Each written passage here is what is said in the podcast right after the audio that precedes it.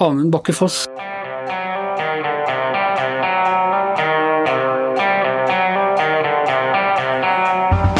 VGs Midtøsten-korrespondent bor bare kvartaler unna eksplosjonen i Beirut. Nå er han her i podkasten for å snakke om katastrofen og veien videre for den hardt prøvde byen og det hardt prøvde landet. Og selv Høyesterett får refs i rapporten om Nav-skandalen. Dette er Giæver og gjengen. Det er onsdag den 5. august.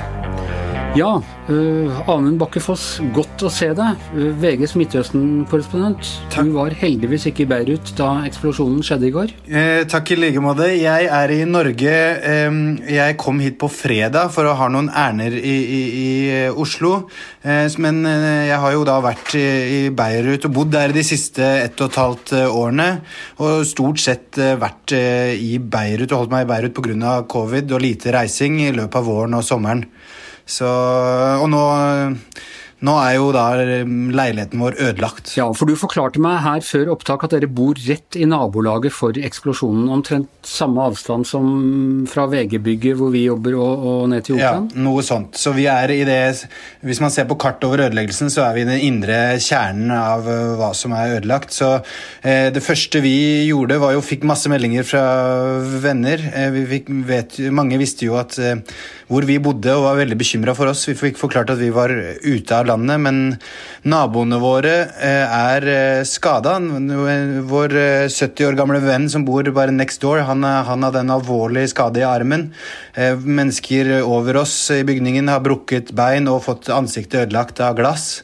Vår leilighet, alle dører og vinduer er slått inn, men det er også alle dører og vinduer til alle andre vi kjenner.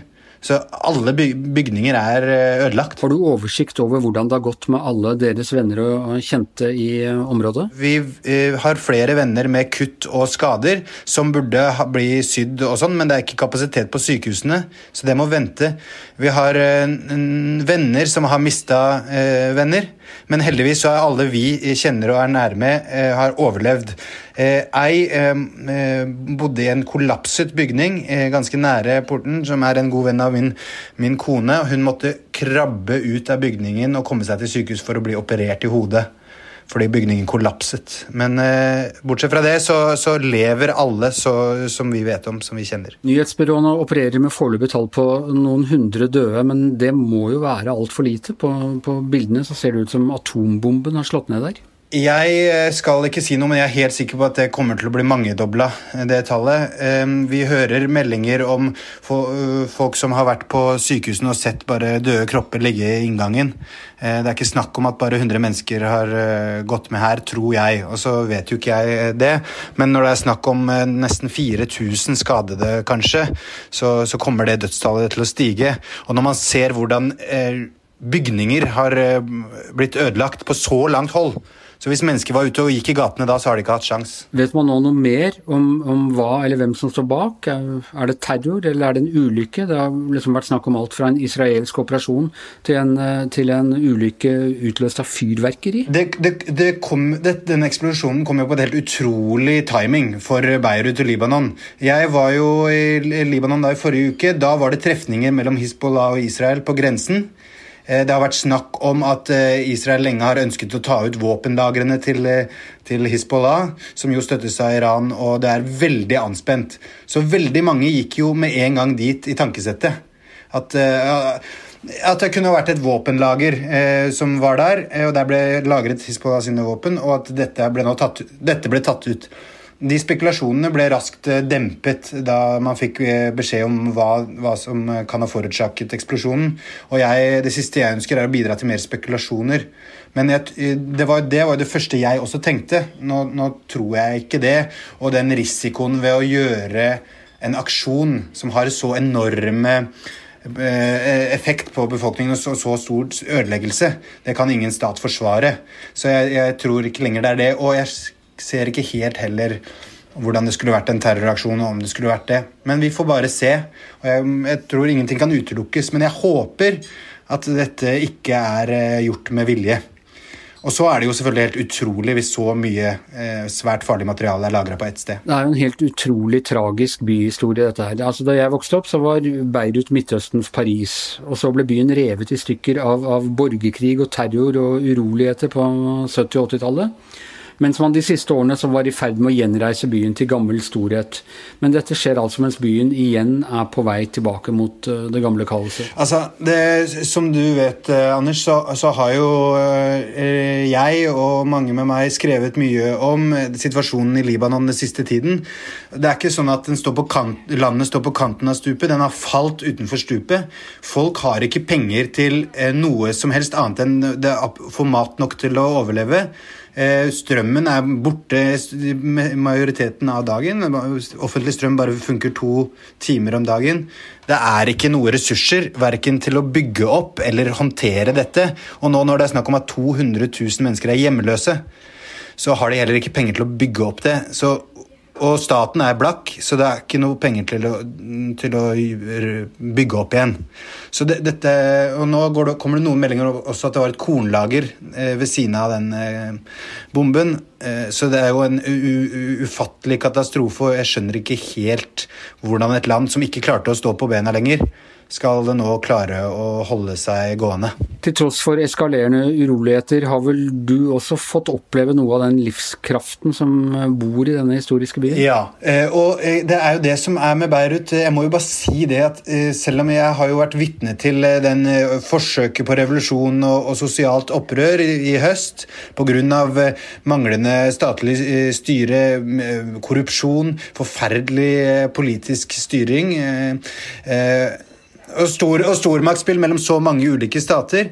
Eh, men samtidig så har befolkningen holdt seg på en måte levende, og det er jo et myldrende uteliv, fantastisk mat, fantastisk vin. Eh, en, en, utrolig sjenerøs befolkning som, som, eh, som, eh, ønsker å leve og ønsker å pynte seg. Altså De pynter seg bare de skal gå ut på butikken, de, de eldre damene, liksom. Går gjerne til frisøren to ganger i uka.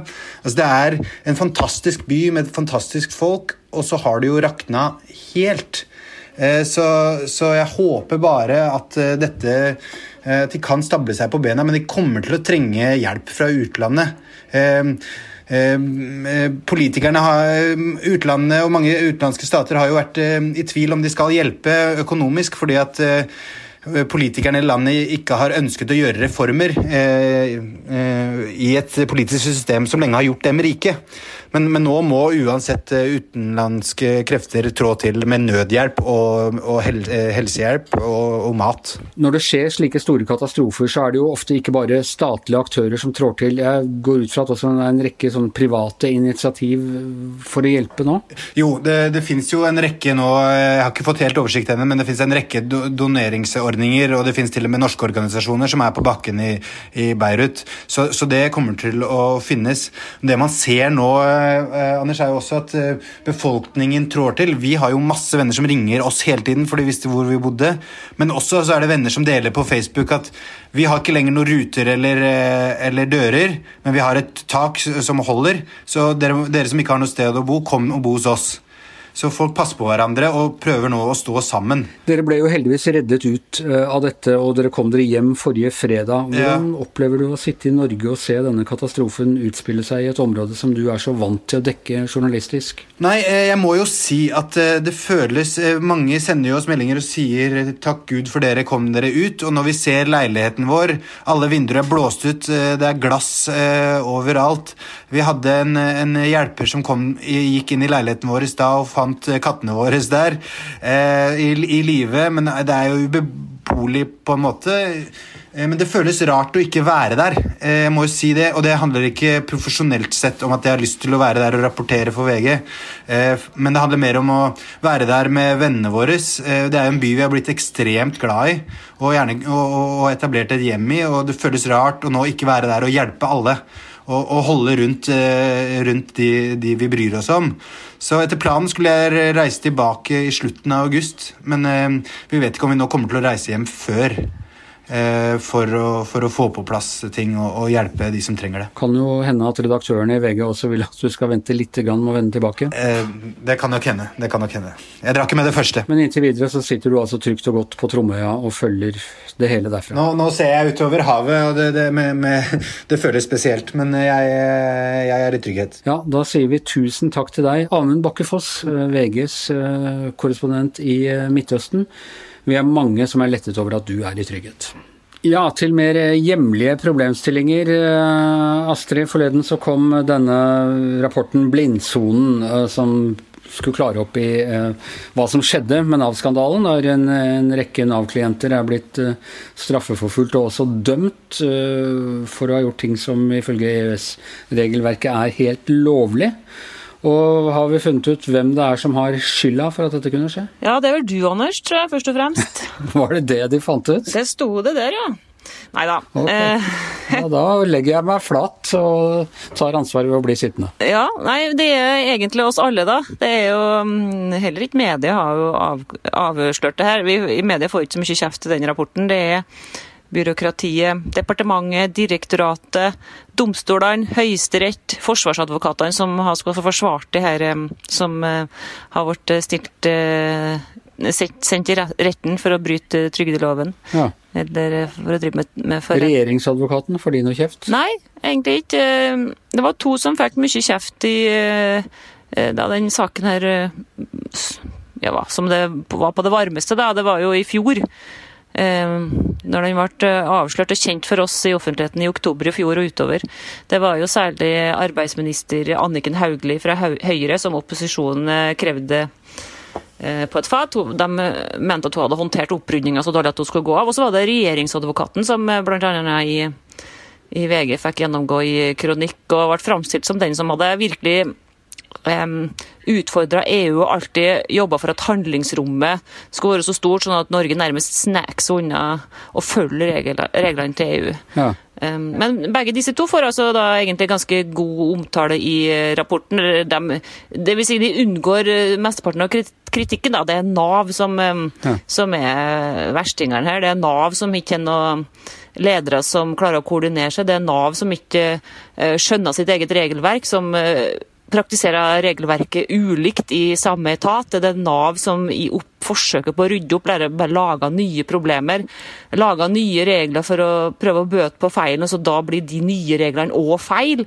Det er Nav som ikke har noe nok kompetanse på EØS osv. Så, videre, og så, så det, sånn som jeg ser det, så er det Nav som som virkelig er den store skurken i den historien her. Men det var en interessant diskusjon i dag på Politisk kvarter på NRK om morgenen, hvor Senterpartiet på en måte ble konfrontert med at Og, og nei-partiene på Stortinget, de har jo ønsket for så vidt Sånt, at regelverket skulle være slik som Nav har oppfattet det.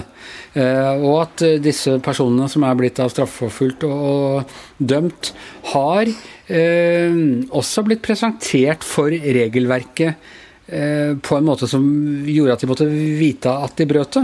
Ja, Det er jo litt hul, den kritikken som kommer fra opposisjonen på Stortinget. Særlig alle partier som eh, SV og Senterpartiet, da, som aldri har ønska å være med i EU, og som ikke vil være med i EØS engang, og som altså ikke vil ha disse reglene. Som sier at eh, alle vi som bor i Norge og som jobber i Norge, får lov til å ta med, ta med diverse kontantytelser ut av landet og få dem utbetalt i resten av EU altså sykepenger og arbeidsavklaringspenger og foreldrepenger. Det ønska ikke Senterpartiet, og det ønska slett ikke SV. De ønska at dette skulle være forbudt. At norsk lov eh, jo, har jo sagt hele veien at det er forbudt. Det var feil, og det ønska SV og Senterpartiet at det fortsatt skal være forbudt. Sånn at i dag er det slik at alle de som drar til Tyrkia og tar med seg de pengene til Tyrkia, de får straff, eller må betale tilbake pengene. Alt ettersom hvor mye de tar med seg og hvor stor Eh, stort lovbrudd det er.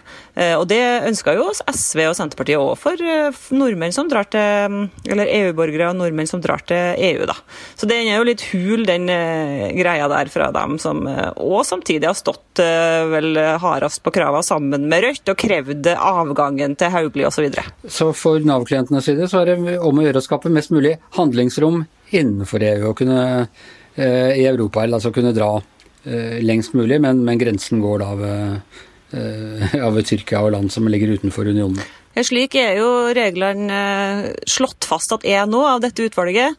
Nav-klientene, eller de som fikk ytelser fra Nav, hadde rett hele veien. De hadde rett til å ta med seg alle disse ytelsene ut i EU. Ja, og det var slett ikke sånn som eh, Stortinget trodde det var, og som folketrygdloven sa, at det var forbudt. Dette at uh, Høyesterett uh, får kritikk, det er litt spesielt. Det er sjelden, uh, sjelden de får. Det er jo liksom per definisjon Høyesterett, og det viser jo litt hva slags suverenitetsavståelse vi har gitt når landets høyeste domstol får kjeft på den måten. Ja, Det tror ikke Høyesterett liker. Vi skrev jo litt om disse, en del av de straffesakene kom jo helt til Høyesterett. Um, og dommeren ble jo opprettholdt. Um, husker ikke hvor mange det var, det var sikkert bare noen få. Altså. Men det, det likte ikke Høyesterett at vi skrev om um, den gangen, husker jeg. Det var litt klaging på det. og um, De kommer ikke til å like det her heller, uh, fra Arnesen-utvalget, altså, som har granska saken. Men uh, overordna så er det jo slik at uh, domstolene de skal jo se på og tolke dette på egen hånd, men uh, her står det altså i granskingsutvalget at de bare har lagt til grunn Nav sin forståelse av regelverket, og det er jo alvorlig. ikke sant? De eh, bare tar byråkratiets For de skal treffe på, på selvstendig grunnlag? Ja. Ja, nei, en, en pinlig sak for Norge, det der. Hva, hva, skjer videre nå? Når er alle blitt kompensert for den uretten som er blitt begått mot dem? Jeg tror jeg ganske mange allerede har fått tilbake mye penger. men det er disse straffesakene det tar litt tid, fordi at uh, Høyesterett har jo bestemt seg for å mm, oversende to saker til Europa, til EFTA-domstolen. og Det kommer til å ta kanskje to år før vi får et endelig svar på EFTA, eller ja, deres fortolkning av disse regel, reglene, da, som er EØS-regelverket. Um, så ja, saken er ikke over ennå, men um, den har jo på en måte endt godt for, eh, for uh, ofra for denne skandalen i Norge. De har jo fått alle ekspertene på sin side nå. Og saken er ikke over for oss i Everøy-gjengen heller, men denne podkasten er over. I hvert sitt hjemmestudie Amund Bakkefoss, Astrid Mæland, Anders Giæver og vår mann som ikke kan overprøves engang av Menneskerettighetsdomstolen i Genéve, produsent Magne Antonsen. Vi høres gjennom.